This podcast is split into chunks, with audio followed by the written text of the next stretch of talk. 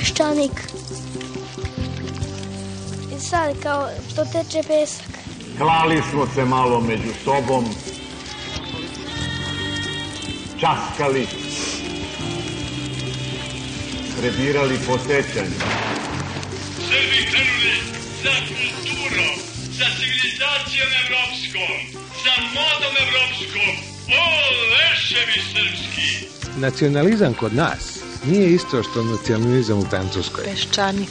Jer možete govoriti kao što Francuzi piju za učak vino, mi smo alkoholičari, mi ne smemo ni kap vina da pijemo. Ajde dalje. Napustimo mračni i sramni Beograd. Iza nas nerazuman lelek nedostojnih, Peščanik. ispred nas ciljevi uzvišeni, Ovdje ljudi još uvijek masovno misle da socijalizam nije tako rđe. Može, treći put vodi pravo u Afriku. Ekonomski uvek, ako hoćemo tamo, onda smo na pravom putu. iznad nas zver koja nas vodi putevima gospodnjim.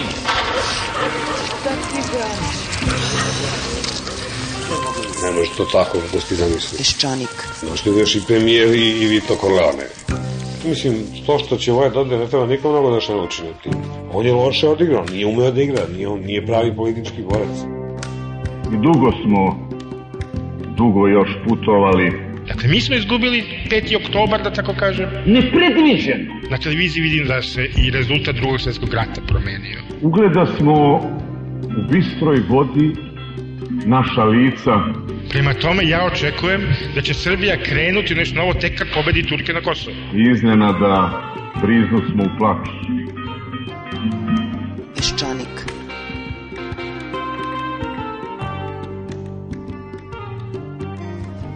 Dobar dan. Danas je, ako smem da pomenem, u ovoj modernoj postkomunističkoj Srbiji 8. mart, Međunarodni praznik žena. Po varošima srpskim, novi funkcioneri i direktori zabranjuju da se obeležava ovaj dan. To što je neki Delija, Dilber ili Đuvegije iz šabačke vlade poslao dopis kojim najstrože zabranjuje da se slavi 8. mart nije čudno. Čudno je međutim što su neki direktorke iz Leskovca ukinule 8. mart u svojim firmama.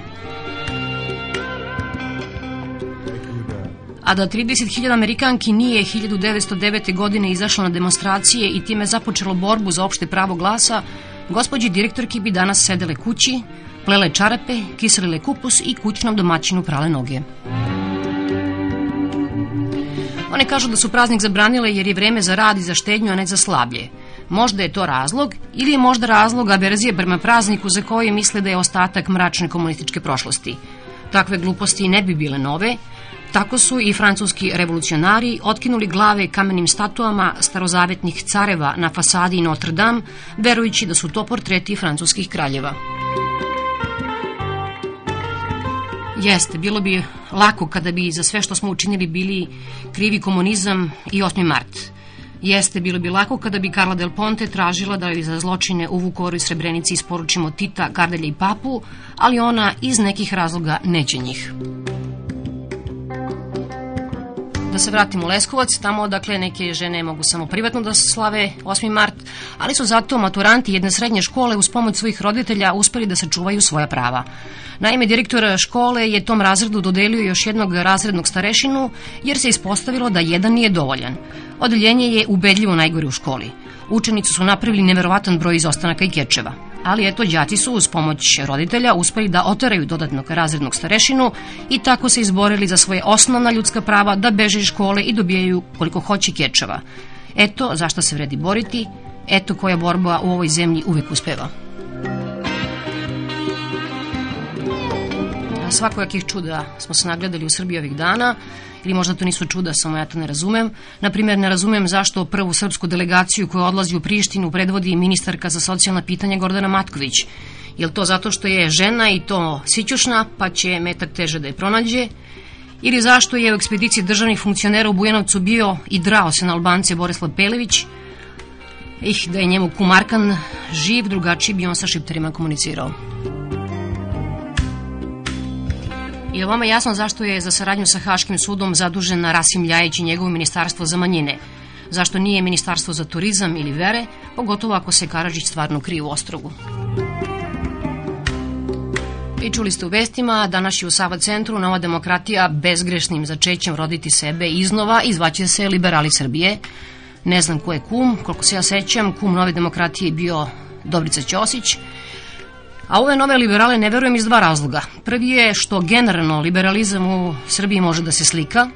Mi svoja prava shvatamo sa, samo kao prava za nas i u scenu nadčovečanskih napora eventualno ih priznajemo svojim prijateljima, a druga sumnja u stranku liberala tiče se njenog šefa Dušana Mihajlovića koji danas izjavljuje, čuli ste, da u sebi zasluge pripisuje što je policija uspela hrabro da se suoči sa dve najveće državne tajne. Prva otkrivena tajna je da su Srbi činili ratne zločine, druga tajna koja je otkrivena ma kako neverovatno zvučalo, u Srbiji postoje kriminalne organizacije. Na današnjem pokrštavanju nove demokratije neće biti kum Dobrica, on je zauzet promocijom svoje nove knjige Srpsko pitanje. Knjiga je promovisana na Kolarcu, a u Sava centru je ove nedelje održan skup, odnosno okrugli 100 ekstremizam u Srbiji. Eto, radi boljeg poređenja čućete učesnike ova dva skupa naizmenično. Za početak govore Mirko Tepavac i Dobrica Ćosić. Odavno znam da mnogi ljudi mrze istinu. Imamo ubedljive razloge da 20. vek smatramo vekom imperializma laži, a vek u koji smo stupili da shvatimo kao vek globalizacije laži. Ja sam titoizam doživeo kao tiraniju laži i srpsko društvo u restauraciji i tranziciji u, kap, u kapitalističko društvo je i nastavak tiranije laži koju karakteriše profesionalno organizovano laganje. Komunističko laganje smenilo je antikomunističko, demokratsko i od centara svetske moći plaćeno laganje, u javnom mnjenju istinu je nadvladala laž. A laž je strast bezvrednih ljudi. Za dokaz ove tvrdnje uzimam nacionalizam, da je neko srpski nacionalist. Dokaz je i sam govor o srpskom narodu, sa učestvovanju njegovoj muci opstajanja, nepravdama i patnjama koje trpi. Da je neko srpski nacionalist, za komuniste, profesionalne antinacionaliste i apatride, dokaz je i sama potraga za istinama o stvarnosti srpskog naroda i objava tih saznanja. Tako je od 1945. do 2003. godine ideološki tumačen srpski nacionalizam. Antinacionalizam može biti i kosmopolitizam, ali postoji i on je dominantan antinacionalizam koji je profesija i to vrlo unosna. Ona obezbeđuje visok standard i karijeru, internacionalni značaj i simpozijski turizam, direktorske funkcije direktorske funkcije u raznim fondovima, fondacijama koje finansiraju svetski centri moći. Taj profesionalni antinacionalizam je vrlo moćan faktor u javnom mnjenju Srbije, među antinacionalistima u Srbiji danas najviše je onih rabotnika koji su poznati i značajni samo po antinacionalizmu i antisrpsu. Ekstremizam s kojim se danas susrećemo je gorki plod Miloševićevskog srpsko-oslobodilačkog ratovanja protiv suseda i ostatka sveta. Taj ekstremizam priziva nove barektare za stare bitke, kao što i albanski ekstremizam traži borbenije predvodnike za etnički i verski čistu, valjda takođe nebesku i veliku Albaniju. Aktuelni ekstremizam nije samo likla i nezavisna inicijativa. Nije izolovan od ambicioznih planova radikalističkih političkih partija i institucija, crkvenih i akademskih centara. Ekstremisti izvikuju i ispisuju i organizuju ono što njihovi mentori preželjkuju, a ne mogu ili ne smeju da saopšte. Ekstremizam je tu da spasava propalo i da dogod ima nade da se može nazad, onemogući svaki razuman korak napred, koliko god da se posvađani rivali naših vladajućih partija žešće sukobljavaju, toliko sve više liče jedni na druge. Otimaju jedni drugima reči iz usta kada se raspričaju o spoljnim pritiscima, Haškom sudu, svojataju Republiku Srpsku, dele Kosovo, koketiraju sa crkvom i monarhijom. Da su maksimalistički programi osuđeni i ih zbilja konačno napušteni, kao što su vojno poraženi, ekstremizam bi ostao bez oslonaca, mogo bi da služi za zabavu, a ne za brigu. Suštinski razlog za sve to ipak leži u činjenici što ni oktobarski pobednici nisu raskrstili sa Miloševićevskim nacionalnim programom. I samog Miloševića danas brane od onoga zašto su ga osuđivali do 5. oktobra. Kad Koštunica, kao i toliki drugi, kažu da Haški sud ne uživa naše poverenje, a naše sudove ne postiču da sude zločincima, onda to znači ili da su sami preuzeli ulogu sudija ili da ovde nikakvih zločina nije ni bilo. Licemerno zvuči kada zatim isti ti pozivaju taj nepravedni, nelegalni Haški sud da sudi drugima, naravno pre svega Albancima. Naš ekstremizam nije bez tradicije.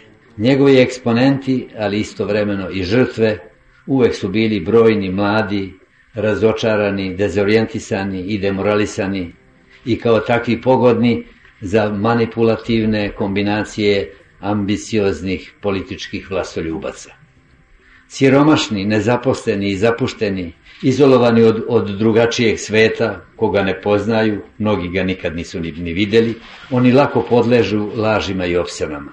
Na njih upravo računaju besprizorni, kakav je Šešelj, koji ne zna na kojoj se zemljopisnoj točci nalazi taj srijem u kom su općom suradnjom vaskolikog šovinizma ljudima bez obrane hotimično oduzeti domovi i zavičaji i kojima nije bio potreban nikakav prevodilac da se razumeju i poštuju dok nije došao razuzdani vojvoda da ih nauči razlikama i sukobima.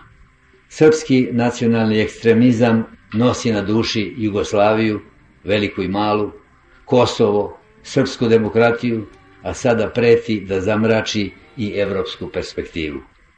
Ekstremizam je čedo militantnog šovinizma, nastavak ratovanja u mirnodopskim uslovima, sa nadom da bi poraz ipak nekako mogao da postane pobednik. Nastavljamo krštanje ova dva veoma različita skupa, jednog dakle o ekstremizmu u Srbiji i drugog o novoj knjizi Dobrice Ćosića. Slušate Ćosićevog savjetnika i saborca Svetozara Stojanovića i Miljenka Deretu iz građanskih inicijativa.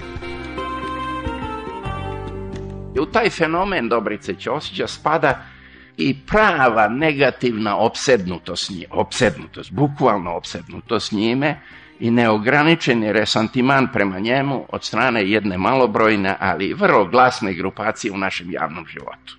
I pritom sad od te grupacije izdvajamo one koji su jednostavno fingiraju opsednutost jer su plaćeni da fingiraju opsednutost, dakle profitiraju na tome, ili one koji čak i ako ne profitiraju direktno, nastoje da profitiraju time što hoće da napadajući Ćosića prečicom naprave sebi neko veliko ime. Jer, eh, šta je sad resantiman? Pa resantiman je psihološko stanje nastalo iz potiskivanja osjećanja zavisti kombinovano sa mržnjom. Onaj ko je zavidljiv veruje da je na izdestan način jednak sa dotičnom osobom, dakle, prema kojoj ima resantiman, mara takva jednakost niti postoji, niti može postojati. Zbog toga se zavist, mržnja, pakost i bes samo reprodukuju i samo uvećavaju, i to još više, brate, pažnju ovo, ako nosiocima tih osjećanja ne uspeva da tu osobu isprovociraju da ih udostoji odgovora, i time prizna kao sebi ravne. Reč je o nekoj vrsti sasvim pervertirane borbe za priznanje onoga koji te ni podaštava ignorišući, te jednostavno ne smatra da si na nivou na kome vredi uopšte raspravljati. Završio bih time da je, dakle, Dobrica Ćosić u stvari njegovo delo, njegov život, neka vrsta pravog projekcionog platna i nekoga vrsta privlačivača gromova i munja, jeli, jednostavno, mi to zovemo gromobran, nemamo bolji izraz, ali prosto svi grme i šalju munje upravo na tu osobu.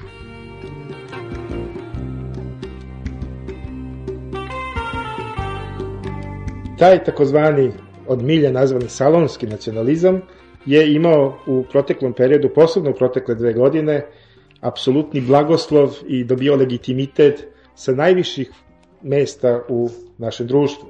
Recimo, formira se komisija za istinu i pomirenje, a onda članica te komisije kaže da je očekuje da će istorija pokazati značaj dela Kostića Voškog u istoriji srpskog naroda. To istog onoga koji se zalaže za istinu o Radovanu Karadžiću. Dakle, kakvoj komisiji koju je formirao predsednik, bivši predsednik Srećo. Drugi primjer smo imali pre nekoliko dana, kada je predstavnik stranke iz koje dolazi bivši predsednik u Novom Sadu govorio o fertilnosti, plodnosti Rusinki i time mu skratio, pa pošto nisu baš, nema ih mnogo, sva druga ljudska prava. Da li se njegova stranka od toga ogradila? Da li on kao prvu kaznu za tu vrstu iskaza dobio isključenje iz svoje stranke? Nije. Ja recimo ovde nisam čuo jednu zastrašujući podatak koji mora da bude osnova svake naše dijagnoze, a to je istraživanje koje je pokazalo da je ekstremni stavovi su najprisutniji i nacionalistički u generaciji dva, koja ima danas 20 do 30 godina. Mi se bavimo vrlo praktičnim stvarima, mi idemo po školama, pokušavamo da radimo sa mladim ljudima, ali kad dođemo u školu, susretemo se sa direktorkom koja je prefarbala mural sa porukama mira i tolerancije u svojoj školi. Zašto žena prefarbala jer smatra da to ne treba da bude u školi, da to ruži školu, da beli golub, reč mir, reč tolerancija, reč zajednički život ne treba da budu pred očima deca. Kada idemo i govorimo o građanskim pravima, o ljudskim pravima, onog trenutka kad izađemo, deca nam kažu, a onda je profesor rekao, sad ću vam ja reći o čemu se tu zapravo radi. Tu se radi o sektama, tu se radi o plaćenicima, tu se radi o ovome, ovome. Znači, promocija jednog, da tako kažem, opšte prihvaćenog sistema vrednosti kod nas nema nikakvu institucionalnu podršku. Ni kroz školski sistem, bar za sada, ni kroz medije koji su ono drugo što bi trebalo da bude glavni promoter tog sistema vrednosti, iz prostog razloga što naši mediji shvataju, i to na neki način jeste tačno, da ekstremno jeste vest, a umereno to naravno nije. Na ovom skupu u Sava centru napravljen je popis, neka vrsta popisa ekstremizama koji su se odomaćili u Srbiji. Mihajlo Mihajlov je govorio o antiamerikanizmu, a Zoran Lutovac o ekstremizmima među nacionalnim manjinama. Dok se ovaj većinski nacionalizam s pravom osuđivao, vrlo redki su oni koji su kritikovali takozvani manjinski nacionalizam. Na njega se često gledalo, ako ne sa blagonaklonošću, a onda sa nekom vrstom prećutne tolerancije. I kada ti manjinski nacionalizmi govore o svom nacionalizmu, oni obično ističu da je to odbrambeni nacionalizam, da je to refleksni nacionalizam, da je to alergijski nacionalizam, dakle izazvan. Jednom reču, to je nacionalizam koji je opravdan ili ekstremizam koji je eto izazvan pogrešnom politikom e, većinskog naroda. Poslednji primer o kojem govorim manjinskog nacionalizma navešću vam samo albanski nacionalizam u Crnoj Gori, koji je, iako je crnogorska vlast, kakvom god je ocenjivali, ipak u poslednjih godina učinila dosta da pokuša da integriše pripadnike manjina u politički i društveni život, a tamo se pojavljuju opet onako ekstremni zahtevi poput onog nama treba, nama kao kolektivitetu treba posebna soba u kući zvanoj Crna Gora ili jedna zvanična izjava, odnosno autorski tekst u kome lider Dinoša iznosi kako je Albanija jedina država u Evropi koja se graniči sama sa sobom. Ako se graničite sami sa sobom, vi ste s obe strane pokazuje teritorijalnu pretenziju, to svakako nije dobra reakcija na ono što pokušava da se učini od strane vlasti, da se pruži ruka i da se e, traže zajedničke rešenja za normalizaciju odnosa. Prvo, ekstremizam u Srbiji ima najodređeniju antiameričku crtu. Neverovatno je to, gledam pre neki dan, zapanjujuće jedna stvar na televiziji Pink, načelnik VMA, koji je ujedno i haški specijalist za patologiju za leše, on mrtvo hladan govori, pa dobro, kod nas su tamo ubijaju jednog, dva policajca za noć, a u Los Angelesu za jednu i po noć Amerikanci ubijaju po 2000 crnaca. To ozbiljno govori na televiziji, niko nikakvu primetbu ne stavi na takvu ludost, budalaštinu pri čemu se apsolutno zaboravlja da je prva uspešna antikolonijalna revolucija, to je američka revolucija. da je prvo odvajanje države od crkve izvršeno u Americi, da je jedina zemlja Amerika u kojoj je totalitarizam, makartizam je pobeđen iznutra. U svim evropskim zemljama je trebalo da dođe iz polja neko da pobedi. Tamo iznutra. I da u krajnjoj liniji, uprko svim mogućim problemima s rasizmom, jedina zemlja koja je imala krvavi građanski rat dugogodišnji, da bi oslobodila jednu rasu. Što isto nigde nema. I naravno da ne govorimo taj beskrajni ponavljanje jedne laži da su jedni bogati zato što su drugi siromašni, raste razlika između trećeg sveta i prvog sveta. Međutim, zaboravlja se da je treći svet za poslednjih 30 godina bar dva put bolje živi nego što je živio. Ja sam rekao da je naš ekstremizam par excellence antiamerikanizam. To možete čak da vidite po ovome, makoliko da su opravdani ove demonstracije protiv rata sa Irakom, ali momentalno su se ubacili i Šešelj, i Zjuganov, i svi mogući ekstremistički pokriti u svetu. To nije ništa novo. Druga polovina 20. stoleća je prepuna tih antiratnih demonstracija i tako dalje. Recimo ovakav primjer, u Kambođi kad je Pol Pot tamo milione likvidirao, niko nikad nije demonstrirao. Kad su Amerikanci bombardovali Kambođu, gde je možda par stotina ljudi poginulo, to su planale demonstracije po celom svetu. I takvih primjera možete naći beskrajno. Hteo bih samo da ukažem i da odgovorim gospodinu Mihajlovu da nije u Kambođi poginulo nekoliko stotina ljudi, nego svi podaci govore svih humanitarnih organizacija da je što od američkog bombardovanja, što zbog gladi na kraju 70. godina kambođansko stanovništvo preporobljeno.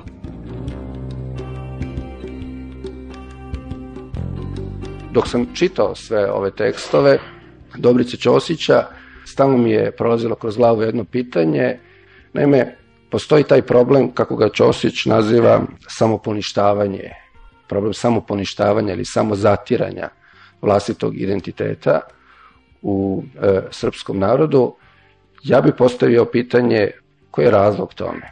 Autor na jednom mestu, između ostalog, navodi pitanje preživljavanja još u vreme turskog ropstva, prilagođavanja okolnostima kao negativnim aspektima toga, navodi probleme integracije koje je srpski narod sklon i dakle preuzimanja nekog višeg identiteta ili bar u nameri višeg, meni se čini da, s obzirom da je još jedini narod koji ima sličnu tradiciju činjenja, a to su Rusi, dakle takođe samo zatiranje i prihvatanja na nečega što je viši identitet u nameri, ali ne i u učincima, da li je možda pravoslavlje ne kao doktrina, već pravoslavlje kao običajnost?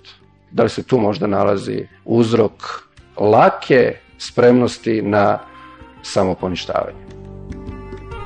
Bio ovo Vladimir Cvetković sa Filozofskog fakulteta koji je ovo pitanje uputio Dobrici Ćosiću, naravno on je govorio na promociji ove knjige, a sada slušate Mirka Đorđevića koji je naravno govorio u Sava centru i on već poslovično je zadužen da nam govori o ekstremizmu u crkvi i oko crkve.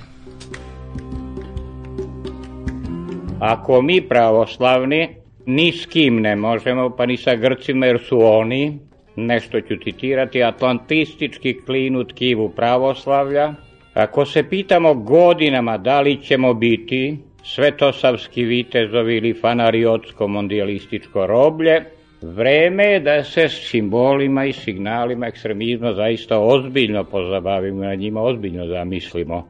U brojnim proklamacijama obraza upozorava se na opasnost od moralnog agresorskog višestranačkog uređenja, i preporučuje se jedna partija, jedina narodne sloge. Vi vidite odakle su citati.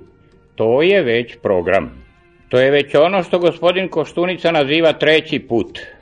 Simboli i signali se slažu čitav sistem kliše i stereotipa, koje bezmalo svi označavamo kao ekstremizam, pa se, na primjer, mnogo šta može podvesti pod znak antikomunizma i u nedostatku neke ozbiljnije tipologije antikomunizma, jer i Hitler i Pavelić su bili antikomunisti, ovaj antikomunizam podsjeća na onaj antisemitizam u sredinama u kojima jevreja odavno nema.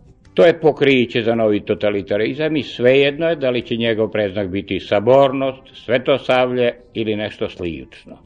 U crkvi se bezvalo svi slažu da je to ekstremizam. Ogradio se od toga i patrijar srpski i to javno. Iako se crkva ograđuje od toga, reklo bi se da problem nije komplikovan. Međutim, nema nikog u našoj crkvi primjera radi, izuzeci su zaista redki, ko ne misli da su Nikolaj i Justin Popoj stubovi crkve i da su to nedodirljivi kultni likovi pravoslava. Međutim, slogani koji nude ekstremisti na ulicama, bukvalno su, tekstualno se preuzeti iz dela Nikolaja i Stustina, za koje niko ne kaže da su ekstremisti. Šta ćemo sad i kako ćemo sad ovaj fenomen definisati?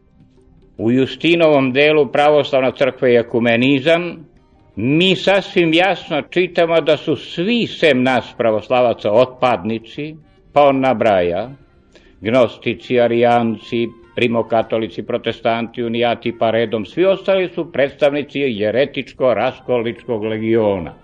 Drugi su neprihvatljivi, posebno katolici, jer u istoriji roda ljudskoga, kaže Justin, postoje tri pada, to su Adamov, Judin i Papin.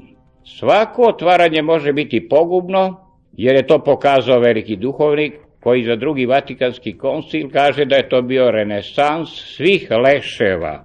Šta je Nikolaj u svojim spisima govorio o Evropi, to svi znaju. Za njega su jevreji deca đavolova, a njegova molitva protiv kulture se uzima kao vrh srpske, kako kažu, nacionalne misli i narod i crkva, kaže on, treba da odrede dan u godini kada ćemo se moliti protiv kulture, koja je po njemu zbir svih zala i svih nastranosti.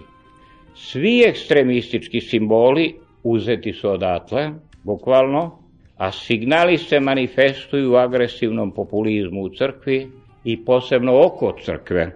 Hrišćane, međutim, reč obavezuje, jer reč je uzrok čina i postojanja.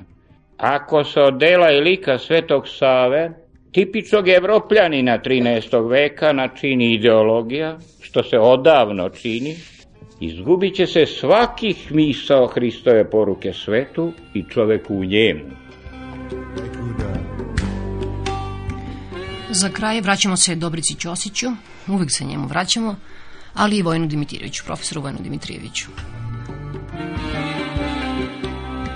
Nije bilo do sada nijedne zabrane, odnosno nijedno sprečavanje rašturanja antisemitskog spisa, jedan pokušaj se vuče već više od godina. Šta tu pokazuje? Tu pokazuje prvo da u organima gonjenja i ne onim gore, nego nize, postoji nešto, da kažem, kompjuterskim jezikom default, kao što je recimo se kaže da je za sudstvo Vajmarske republike bilo karakteristično da je žmuralo na desnog. Jel da i kod nas neki od njih žmure na desnog. Onda smo dozvolili ljudima da tvrde da apsolutno sve što se kaže i napiše može se toleriše. To je zabranjeno međunarodnim ugovorima, članom 20 pakta o građanskim političkim pravima, dužno države je goni one koje izazivaju rasnu, versku i nacionalnu mržnju i tako dalje. To postoji u zemljama zapadne Evrope gde se ne sme uopšte dovesti u pitanje postojanja holokausta. Međutim, s druge strane, i čak da je efikasno ovo sudstvo, ono ne može da reši te probleme. Uzmite primer česte priče da umesto Haškog tribunala to sve mogu da, može, da gole naši sudovi. Naravno, u višim sudskim organima ima dovoljno sudija koji to mogu da rade, ali Prokoljub pokazalo da nije to zbog toga što sudije ne umeju to da rade, nego jednostavno ne može se tražiti od njih da budu heroji. Savremena država ne sme da počiva na pojmu građanina kao heroja, nego građanina kao prosečno, jel da, časnog čoveka i savesnog čoveka. Možemo mi istrenirati sudije koliko god hoćemo, ako se meni desi da na jednom kursu za sudije osvrnem sa teoriju zaveru i kažem zamislite, kod nas je izašlo tvrdnja da su jevreji podigli u vazduh one kule u Njorku i da meni jedan sudija kaže pa to je tačno.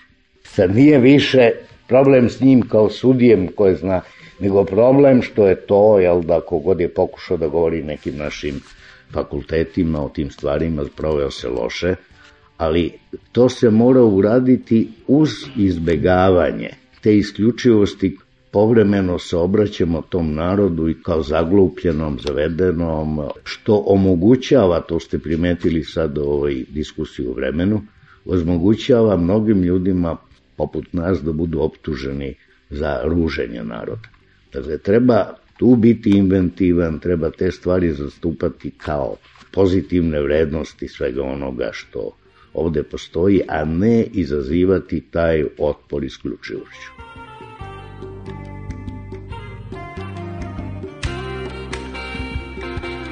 Proglašen sam srpskim nacionalistom od slovenačkih separatista 1961. godine, kada sam branio jugoslovenstvo i Jugoslaviju. Od Titovih komunista 1968. zato što sam govorio o albanskom šovinizmu i separatizmu na Kosovu. Od vazalnih srpskih komunista 1986. zato što sam zastupao mišljenje da je nacrt memoranduma Srpske akademije nauka i umetnosti antititoistički dokument koji nije usmeren na rušenje Jugoslavije.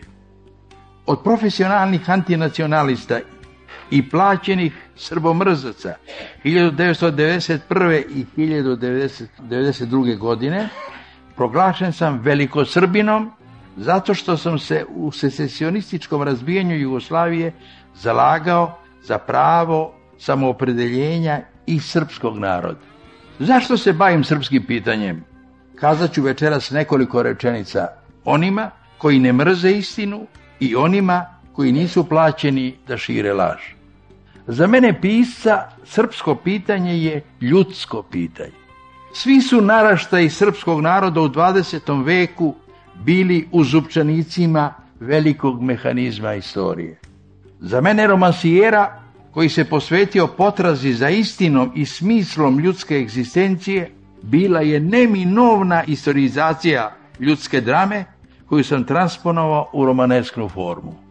Ali stvarnost, vreme u kome sam živeo i pisao romane, bili su iznad i izvan moje romaneskne fikcije. Osećao sam se poniženim u poniženom srpskom narodu u Titovoj Jugoslaviji i nisam pristajao da bez otpora živim u tom poniženju. Osjećao sam se odgovornim za izneveru velikih ideala mog naraštaja, slobode, pravde, ljudskih prava, istine i dostojanstva.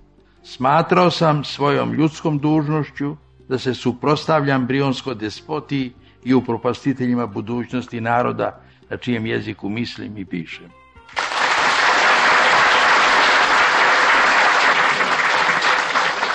Mi isto mislimo. Samo da vam kažem da je moj deda Poc potpisao Vidovdanski ustav. Ruka mu se osušila. A ovim teškim vremenima dali ste nam na, malo uteke.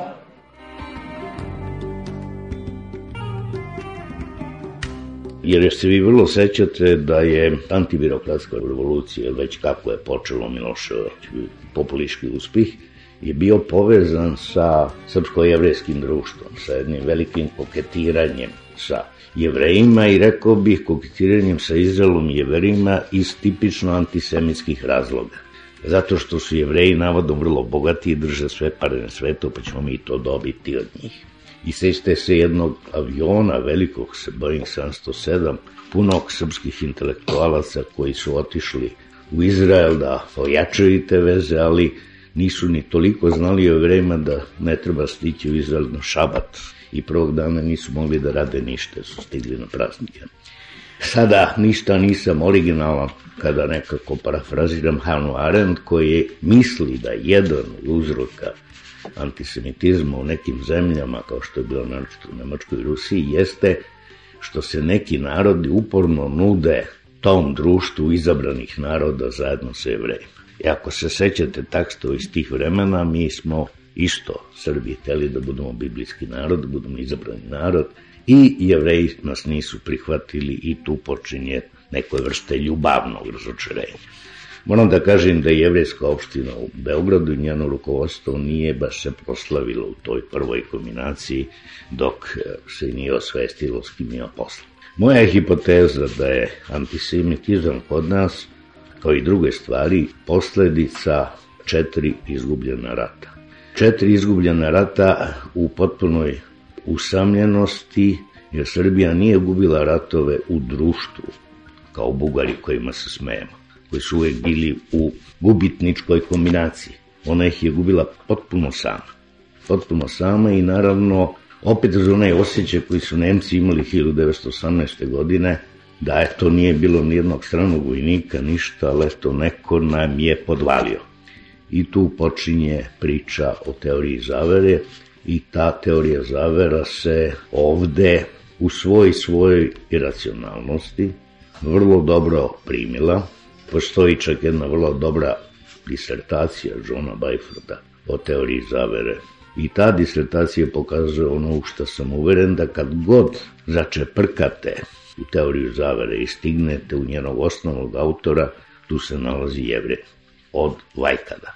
Prema tome, moja je teza da je naš antisemitizam proizvod naše teorije zavere, a da je naša teorija zavera posledica izgubljenih ratova.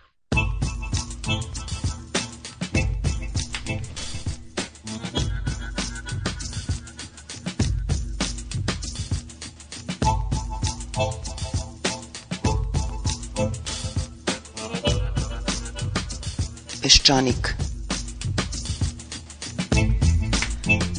Sada se opustite i slušajte Dragana Babića. On privodi kraju knjigu Ti možda misliš drugačije. U njoj su sakupljeni razgovori koje je kao novinar vodio sa raznim svetom u poslednjih 25 godina. Prvo stilska vežba na temu zajednice Srbije i Crne Gore. Dragan Babić. Više Srba odlazi na Sejšele nego u Crnu Goru. Pa stvar, mislim da ne govorimo o Grčkoj, o gde sve oni idu, pa to je taj svet zašto je sposoban, tim što možda povataš kod oni. Nisu im potrebni pasoši, ni vize, ni ulazak u Evropsku uniju, sve to njima ništa. Gde god se okreneš, oni tamo se muvaju, mile negde nešto, lažu, kradu. E sad, koji je drugi razlog? Beograd bar, sumnjam. Rudno bogatstvo Crne Gore, ne znam neka velika supremacija Srbije koja kao velika civilizovana, moćna evropska zemlja hoće da prelije rezultate svojih istorijskih pregnuća na jednu manju zemlju i u to duboko sumnjam. I tako se to liči na jedan veliki cirkus. Koji to interes spaja te dve zajednice? Ajde da ih zovemo onako, da ih častimo državama. Ja verujem da su političari pronašli taj lični interes. Ali sumnjam da imaju na umu i da dobro prepoznaju koji bi to interes mogao biti ta dva naroda. Ne znam zašto bi se to na silu pravilo. Mi je to totalno nejasno. A moj lični poriv je kao nekakva vrsta kompenzacije e, za sve nesreće koje je Srbija doživjela, jedan pomalo osvetoljubivi nagon politički koji osjećam, kada kažem da bih volao da je vidim kako izgleda zaista to što ona jeste, sama suprostavljena sebi, u 21. veku, kako će svega toga da ispliva. To bih jako volao da vidim. Ovo se čini kao neka, kako još uvijek neka mezalijansa u malom, za razliku od one velike, i za divno čudo, oni problemi šestostrani, sad su dvostrani. Nisu preterano različiti, nema rata ni ubijanja još, vada ga neće ni biti, ali isti onaj ugursuzluk zbog koga neće zajedničku državu, postoji sada između Srbije i Crne Gore. Meni bi bilo dovoljno i najmanje tog ugosuzluka da kažem, pa zašto to? Zašto stvarati na sve ovo što ne umemo da rešimo, još i to? Zbog čega to? Šta fali meni i vama da idemo kome do toga u Crnogoru sa ličnom kartom? Šta fali to? Ili, koja je dobit? Da sada sede i raspravljaju ko će koliko da ima ambasadora, imaćemo više ambasadora ako smo sami, nego ako to moramo da delimo sa crnogorcima. I oni će imati još mnogo više ambasadora ako budu nezavisna država, ako su sad, mogu početi gde god će ambasador. Nikada toliko nisam slušao kao ona davno vremena kad se taj socijalizam bio raskravio, koliko šta košta, kolike su čije privilegije. Još nisam čuo za sve ove mesece da neko izašao iznao neki čaroban plan o tome kako će ta zajednica da funkcioniše. Uopšte ga ne čujem. Čujem samo jednu raspravu kako oni zamišljaju to da razdele. Ja nisam čuo, jeste vi čuli to negde? Nekakav plan, jednu projekciju, jedan crtež, jedan koordinatni sistem u kome ta zajednica stoji i lagano se kreće nekom uzlaznom linijom. To je jako teška reč. Uzlaznom linijom. kuda ovo ide, za sad ne ide nikuda. Prva stvar na koju su se pokačili Crnogorci su ovaj, eh, podržali Ameriku u bombardovanju, a mi ćemo vjerojatno biti proevropski orijentisani. a cirkus, kao da se plašimo da ostanemo sami, u stvari sa sobom. Ima i toga, ali kako je ova zemlja paradoksa, ali ste mogli da čujete premijera pre neki dan, kako se vrlo razumno suprostavio onoj vrsti regionalizacije, koja pojedinim regionima sad treba da da i nekakvu vlast. I on je vrlo lepo rekao, napravit ćemo sad 50 država, Srbi su skloni tome. To vodi onom čarobnom konceptu za koji sam uvijek bio, a to je koncept srednjevekovnih gradova. Pa bar da su renesansni, ali to je toliko besmisleno daleko, da taj veličanstveni utopijski koncept odmah napustite. I konačno se vratite na onu sliku iz vremena Miloša Obrenovića, to se zvalo Nahije, pa su tu bili knezovi, i cela istorija moderna, početka 19. veka srpska, je jedna velika surevnjivost rešavana na najbrutalniji način ubistvima. Miloš je bio veći ubica nego Milošević. Ili Bartoliki. Pritom je bio i mnogo brutalniji, jel? Ovo je 19. vek. I onda počinjete da se pitate da li se ta slika neprekidno ponavlja. Zaista.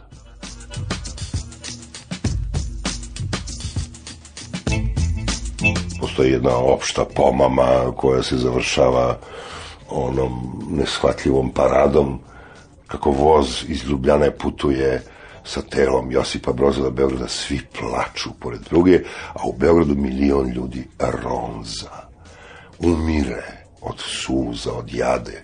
Kad se to završilo, niko više ne sme da kaže da je tamo plakao, a tek da objasni zašto je plakao, što je mnogo teže i važnije, nikako.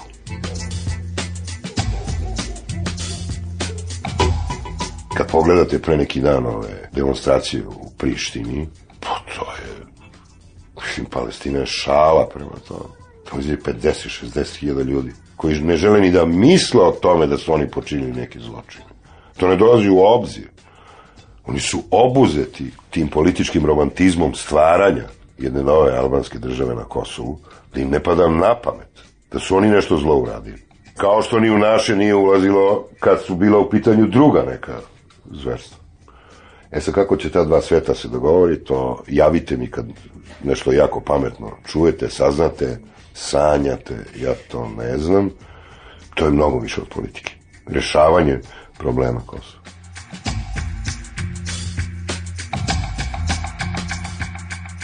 Što se tiče Šešelja, on je otišao tamo kao u svatove. Kao da je otišao na usavršavanje. On će tamo da čita, on će tamo da razara anglosaksonsko pravo, on će provesti tamo neograničeno mnogo vremena i jednog dana vratit će se kao pobednik. To pomalo liči na jedan plan iz glave Fjodora Mihajlovića Dostojevskog koji se zove Zločin i kazna. Kada Raskolnikov, koga Sonjica prati, polazi u Sibir i odlazi na sedam godina, a Dostojevski kaže, ali priča o njegovom oporavku je jedna druga priča, završava se. Završavaju se zločini i kazna. Ja to drugačije ne mogu da vidim, jer nema neke figure, niti nekakve etape u srpskoj istoriji koje se nije pretvorilo u ozbiljnu farsu. Ozbiljnu farsu. Da pravimo one analize oko njegovih birača, ko će sada njemu da otme birače, šta se radi na Kosovu, ne bili te birače privukli, to je potpuno dosadno i neinteresantno, jer ovo uopšte nije to vreme. Ko to ne razume, taj ne razume ništa. Ovo je vreme neutralisano, potpuno neutralisano. S te strane, mislim da su i ovi drugi ljudi vrlo slabo razumeli Đinđića, bez koga se ni ovo što se događa malo ne bi događalo. On jedini uzburkava to neutralisanje koje se desilo posle svega što se desilo. To više nije ta Srbija. I nemam druge nego da budem dosadan, to je opet priča o pragmatizmu. Samo to, gde opet dolazimo na još jednu važnu reč. Poslovi. Tu ima toliko posla, ja mislim da na svetu zaista nema zemlju koja ima toliko posla kao što ima danas u Srbiji kakav god veliki, dobar projekat da pomenete, vi ste vidjeti da se on razvlači, da li će nešto se dogodi sada ili kroz četiri godine, tu nema nikakve razlike. Ja vas uveram da ima strahovite razlike. Za četiri, pet godina umreće milion ljudi, milion pojedinačnih važnih života, kojima su te godine presudne i jedine, druge neće imati. Osim ako nije vernik, pa očekuje da nađe na onom svetu neku utehu i kompenzaciju. Što je ko ješta, naravno. Ima da zgodna reklama, gledam je ovde. Glasi, kada ste posljednji put uradili nešto prvi put u životu? Ne možete više nikome da uterate posle onih iskustava sa socijalizmom u glavu nikakvu sintagmu kao što je obnova i izgradnja. Ko će to sada da sluša?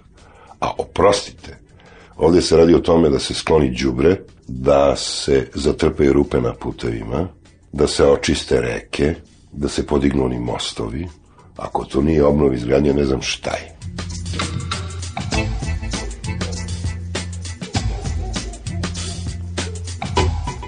Kada gledate jedan izvanredan dokumentarni film koji je pre neku noć išao na RTS-u na prvom programu, mislim kod ove Nekićke, neka ekipa Beogradska je otišla i snimila onaj skup u Londonu protiv rata u Iraku.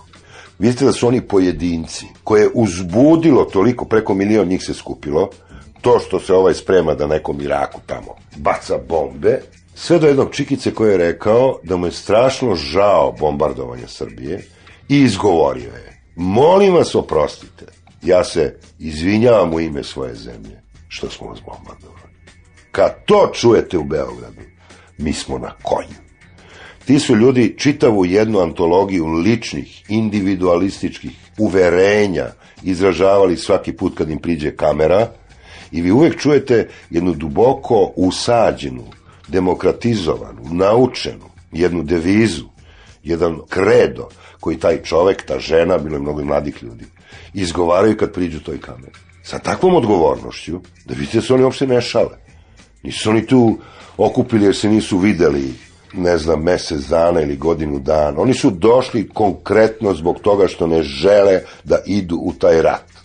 E, to postignuće jedno zaista ličnog, individualnog, posebnog, školovanog kod samoga sebe je nastalo u nekim uslovima koji se zove engleska demokratija. Ako biste voleli da taj koncept vidite ovde, nećete ga skoro vidjeti. Malo ko lično promišlja i lično može da se okruži jednim duhovnim uverenjem u kome zri, uči sva ta dragocene, nenadoknadive vrednosti ličnog uverenja koje se rađe na slobodi i na tom dubokom promišljanju slobode i demokratije. Toga ovde ne. Nek izađe neko sa jednim transparentom na trg Republike. I neka kaže, volao bih da živim u zajednici sa Crnom Gorom zato što se tamo rodili Petar Lubarda i Milo Milunović. Ili po vašem izboru. To će već biti nešto.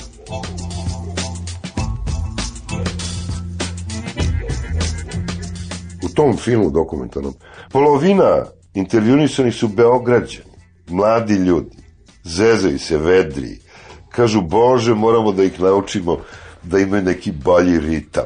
Kupili pištaljke, sve ono što su radili u Beogradu, a sad im je malo ono, Englezi mi tako divan svet kao mi. Ljudi pričaju vrlo zadubljeni.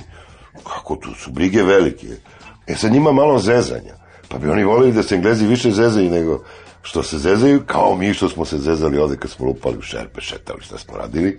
Oni su tamo. Pretresite bilo koje vreme pa ćete vidjeti koliko Srbija nije sposobna da taj migracioni talas zaustavi, jer sama nije sposobna da absorbuje niti ovo što ima, a kamoli ono čega je se oslobađala. To su najprirodniji odlivi odavde. Nije u tome problem, nego je problem u tome da se taj svet toliko otvori da i mi imamo tu lakoću s kojom možemo da odlazimo u svet, kao što svet odlazi po svetu. To je ona sloboda s kojom Australijanac može da ode u Skandinaviju, Skandinavac da ode u Grčku, da mladi ljudi žive po svetu, to je jedan od krupnih smislova civilizacije, pa čak i te globalizacije u koje se toliko sumnja. Mi smo sakati, mi smo umobolni. Šta je ovo? Je ovo duševna bolnica? To mi liči kao na neko tvrđenje pazara. Volao bih da donesem neke odluke, ali prethodno da mi neko garantuje da ću svakako ostvariti svoj cilj. Ne mogu ti garantovati da ćeš da ostvari svoj cilj. Ali mogu da te uverim da napor koji ulažeš da bi ostvario neki cilj vredi života. Imao sam utisak jedno vremeno dok smo se šetali ko budale po Beogradu, gledam mnoge ljude koji kao da očekuju da negde oko Cvijete Zuzorić ima kasa, pa kad obrnemo dva kruga, a oni isplaćuju. Jer oni su šetali. Ako se opet vratim na one Engleze, koji nikakve kase ne očekuju, i onog krasnog čoveka koji se izvinjava što je Srbija bombardovana, on ima, rekao bih, 75-6 godina. Nikoga nikad ne bi pitao, je li deda, znaš li ti koga ste vi tukli tamo u, u Grdelici, ovo? a taj čovjek pati. On lično pati. I kad su ovi mangupi rekli da su beograđani, on se izvinjava.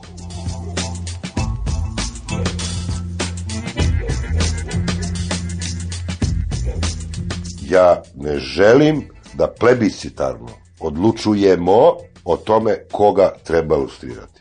Volao bih da vidim da ljudi od znanja i etike taj problem reše kako treba da se reši. Nije to tako strašno baš.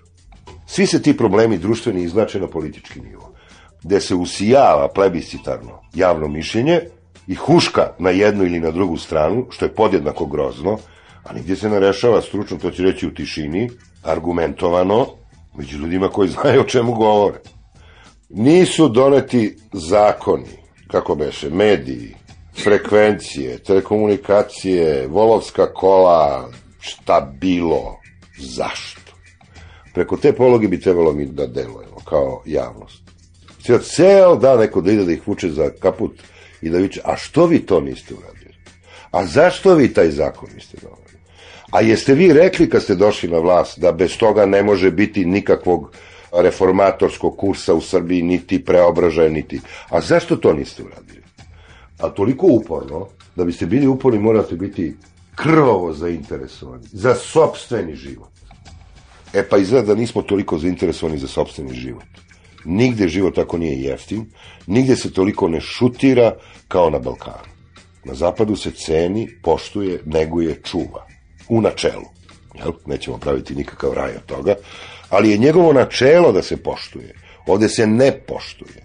Da ne govorimo o onim prljavštinama, o onim televizijskim ovaj, skrivenim kamerama i ostalo kad se vrlo lepo videli kako izgleda svet koji treba da odlučuje o tome. Jel? I na kraju to ispada velika, lepa šala. Jel da? Kod nas se sve pretvori u veliku lepu, baš je duhovit. To je samo jedan, jedan jeftin substitut za onu ozbiljnost i brigu koju čovjek ima o sobstvenom životu. Kad ga istinski ceni i kad misli da je jedna dragocenost. Kad želi da ga održava pod određenim uslovima, a ne da ga živi pod svakim uslovom.